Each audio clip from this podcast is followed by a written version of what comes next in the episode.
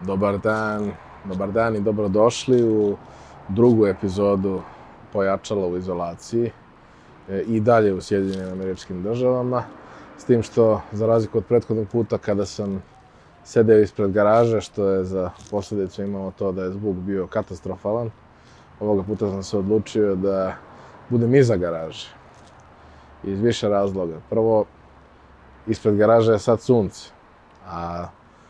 ja ne volim sunce. I ovde je dosta vlažno i nije baš nešto pretarano prijatno za sedenje. A drugo, iza garaže je mnogo manja buka, a i prethodnih dana sam imao priliku, pošto je ovo otprilike pogled koji, koji imam iz uh, spavaće sobe, ovaj, ima priliku da ovde oko sebe ovaj, vidim uh, pravo malo životinsko carstvo. A, kako je ljudi mnogo manje, a kako gomila komšija ovde ima kućne ljubimce i ima hranilište za njih napolje, između ostalog i ovde možete da vidite da, da je veliko hranilište za, za ptice odmah pored. Ovaj, na ovoj ogradi iza sam imao prilike da vidim e, ogromnog oposuma. Oposum vam je nešto slično rakunu. Dakle, ogromnog oposuma,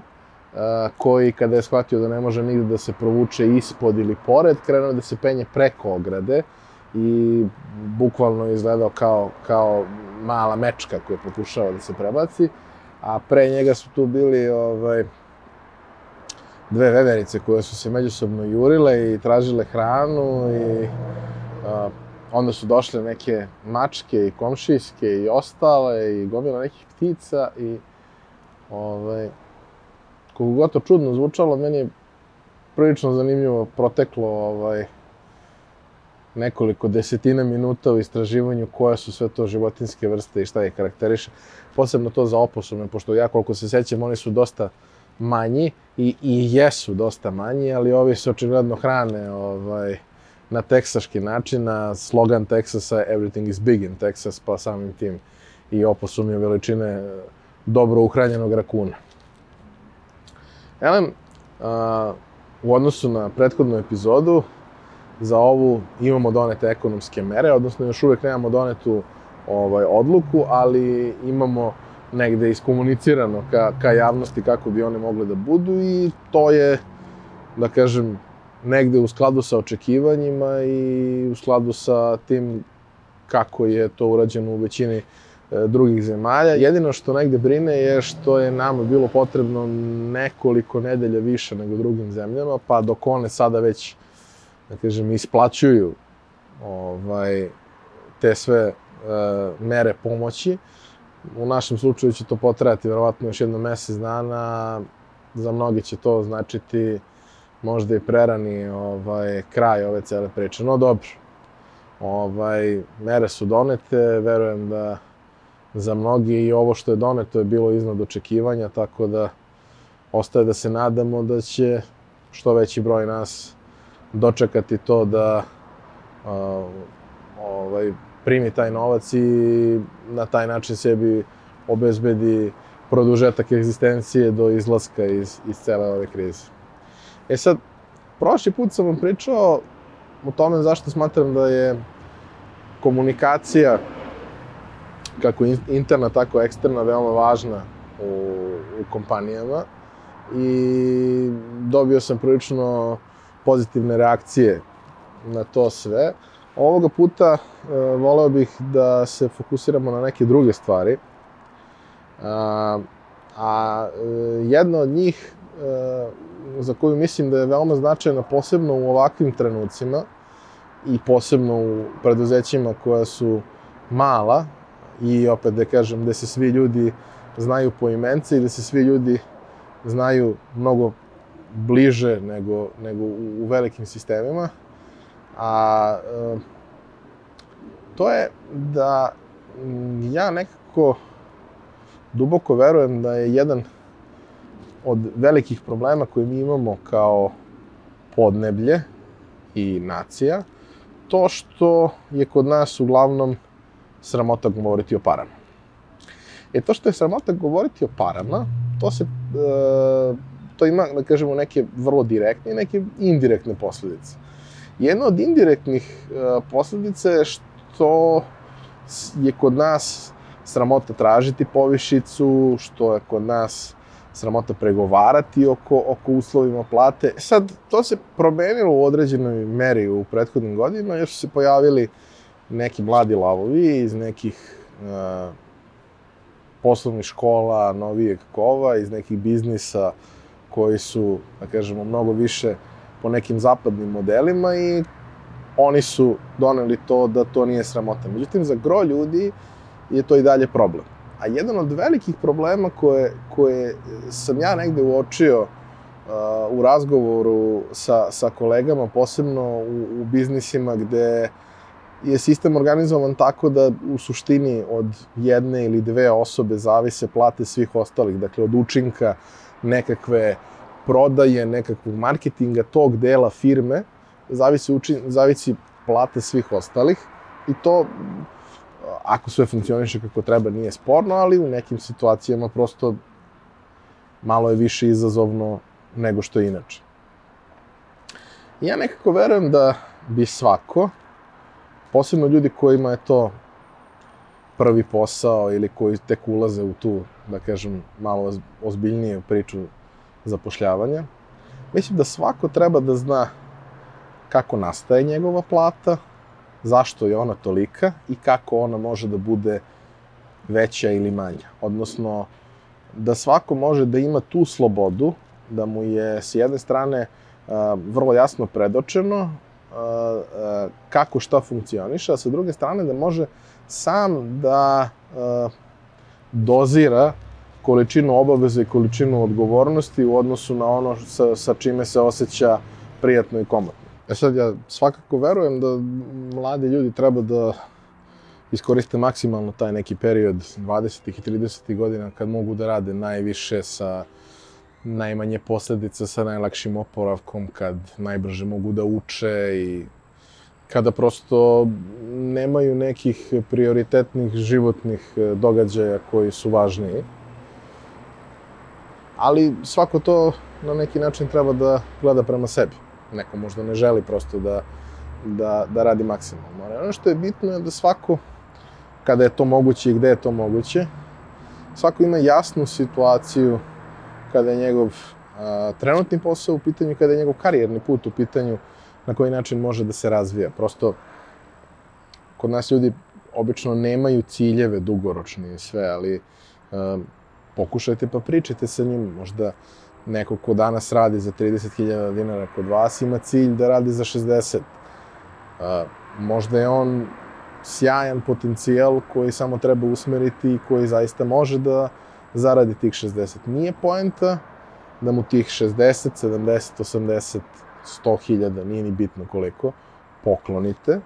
Poenta je da ih on zaradi, odnosno poenta je da on kroz ceo proces razume kako je došlo do toga, jer će onda to znati da ceni. I, e, znate, prosto, mnogo je poslova koji uz sav napredak, bonuse,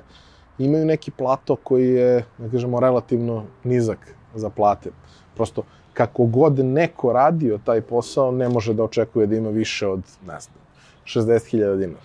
Ali možda postoji prostor za uh, nekakav dalji korak, odnosno nekakav, nekakvu stepenicu više, gde tu ima mesta. Možda postoji, uh, ako je to nekakav manuelni posao, možda postoji pozicija koja uh, upravlja ljudima koji rade taj posao, koja se bavi time da pronalazi nove ljude za tu poziciju, koja se bavi obukama, koja je možda više i, i, i bolje plaćena. Dajem samo primjer, ali prosto jako verujem u to da o tim stvarima treba otvoreno i iskreno pričati, jer jedino na taj način može da se napravi zdrava priča. Kod nas ljudi, nažalost, ljudi koji, koji nisu preduzetnici, a vrlo često i oni koji jesu, ali ok, to je, to je druga vrsta problema, ali kod nas ljudi koji nisu preduzetnici vrlo često ne razumeju ni koje su obaveze, koji su troškovi, ne razumeju da recimo ako je jeli, njihova plata 50.000 dinara, a e, iz njihove vizure oni su firmi zaradili 80 ili 90, da tu za firmu ostaje zapravo vrlo malo kada se podmire svi troškovi koji, koji idu uz njihovo radno mesto, a tu naravno pod jedan su jeli, porezi i doprinosi i sve što uz to ide, ali tu postoji i nekakav overhead koji podrazumeva sve one ostale troškove o kojima prosto niko ne razmišlja vrlo često jer ne mora. Postoje razne prakse koje, koje firme koriste, ali recimo jedna od praksi koja se meni lično ne dopada i ne bih voleo da živim u takvom sistemu je da se o platama ne priča nikada, da niko ne zna kolike su plate svih ostalih, da se sa svakim radnikom pojedinačno pregovara i da onda imate situaciju da dvoje ljudi koji rade isti posao, možda čak rade i na istom nivou ili možda je čak ova druga osoba mnogo bolja, efikasnija, kvalitetnija, upravo zato što ne postoji nikakav dogovor o tome, ima za trećinu manju platu jer prosto nema svest o tome koliko, koliko vredi na tržištu. Razumem da možda u nekim situacijama posao to zahteva, ne pada mi na pamet kakve bi to moglo da budu situacije, ali ako neko to kaže kao argument, mogu da kažem ok, razumem, jer a, niko od nas zapravo ne zna kako funkcionišu svi ostali poslovi sa kojima nismo imali iskustva, ali meni se ne čini taj, taj model kao dobar. Jedan od razloga zašto sam ja u, u, prethodnih 7-8 godina i učestvovao u uh, izgradnji mnogih malih biznisa i pokrenuo sam nekoliko, je upravo to što sam želeo da pokušam da se vrlo, na vrlo konkretan način uputim u to kako određene stvari funkcionišu, jer radeći kao konsultant godinama, došao sam u situaciju da e, konsultujem ljude o čijem poslu ne znam previše. I sad, moj pristup u takvoj situaciji je da kažem, ok, ja ne znam, ali bih ja voleo da naučim. Hajde da sednemo i ja ću, ne znam, nedelju, dve, tri, koliko je potrebno, samo da gledam i da pitam I tek kad razumem kako funkcioniše sam posao, kako funkcioniše biznis, koji je, koji je biznis model, koji su uh, izvori prihoda, koji su ključni troškovi, tek onda mogu da dam neku preporuku na koji način to može da se radi. Većina konsultanata, naročito oni najglasniji kod nas, najčešće ovaj, nemaju takav pristup i najčešće daju te ovaj, savete opšte prakse koje ne funkcionišu ni u, ni u jednom od slučajeva, ali ja sam želeo da budem drugačiji i želeo sam uh, da zapravo naučim kako to funkcioniše. E, to je jedna od stvari koju i vi možete da uradite makar donekle u ovom periodu koji je pred nama, koji je izuzetno naporan, dosadan i mislim ja ovdje imam sreću da imam ovo dvorište i da imam te životinjice koje mogu da pogledam i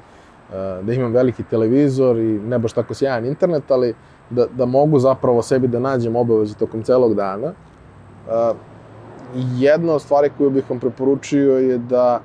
istražite sve te neke vrste biznisa za koje ste mislili da znate kako funkcionišu i da vidite šta su njihove specifičnosti i na koji način uh, na koji način oni rešavaju neke od tih stvari. Uh, zašto to kažem? Zato što vrlo često neki modeli koji funkcionišu u jednom biznisu uz određenu adaptaciju mogu da se prenesu na neki drugi. I to možda može da vam bude vrlo interesantno kroz sve što radite. Takođe, mislim,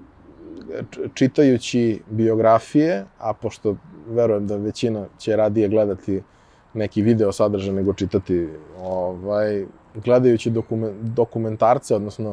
uh, biografske dokumentarce, uh, možete naučiti neke, neke fantastične stvari, jer e, suštinski, da, dosta se stvari menjaju i mnogo toga nam je donala digitalizacija i sve je to lepo, ali neki osnovni principi funkcionišu isto već e, stotinama godina i vrlo često kada, ako kažemo da, da, da mi je marketing, kažemo, primarna delatnost kojom se bavim, vrlo često stvari koje su funkcionisale pre 50 ili 100 godina funkcionišu apsolutno isto danas. Samo treba minimalno ih adaptirati novim okolnostima, ali što kažu, dobar oglas iz novina od pre 70 godina vrlo verovatno bi funkcionisao kao odličan baner ili kratak video za, za promociju slične takve stvari danas. Ovo je prilika da se malo odmorimo, ovo je prilika da mnogo toga naučimo i da izađemo mnogo spremniji a, pred izazove koji, koji nam dolaze kada sve ovo prođe, a bit će ih, bit će ih mnogo. A, I mislim da treba da pokušamo da ih iskoristimo na, na najbolji mogući način. A, jedva čekam vaše reakcije iz razloga što mislim da je ovaj format malo drugačiji od onoga na što ste navikli. Ako vam je simpatično, ja bih ovaj, nastavio da ga snimam i dalje, s tim da naravno ne odustajem od intervjua. Uh, intervjui su nešto što, što je karakteristično, zato ove epizode imaju malo drugačiju nomenklaturu od onih originalnih, jer prosto ne želimo da se te stvari mešaju, već prosto u vanrednim okolnostima radimo vanredne stvari. Zbog toga ne brinite, nastavljamo sa intervjuima čim se ukaže mogućnost za, za tako nešto. Ako i ne bude situacija takva da možemo da ih snimamo uživo, onako kako smo do sad navikli, snimat ćemo ih preko Zuma ili nekog od sličnih alata, ali dok se stvar ne unormalni makar u toliko da sam u Srbiji, nastavio bih sa ovim ili sličnim formatima. To znači da možda možemo da napravimo neki live nekad uh, i da prosto zajedno pričamo na neke teme, možda možemo da se, kao što sam u prethodnoj epizodi najavio, pozabavimo vašim konkretnim situacijama i uh, prodiskutujemo na koji način bi možda mogli da pokušate da iskoristite ovaj period uh, za unapređenje vaše pozicije, vašeg znanja i na kraju dana ili unapređenje vašeg biznisa. Uh, ne bih dužio više, toliko od mene i za žute trake sa žute stolice iz Houstona u Teksasu. Vama hvala na pažnji, nadam se da neće biti potrebe za mnogo ovakvih epizoda, nadam se da ćemo se lagano krenuti, ovaj, kretati ka normali i da ćemo imati neke nove, zanimljive izazove pred nama, ali neke izazove koji vode ka nečemu što je boljitak za sve. Hvala vam na pažnju.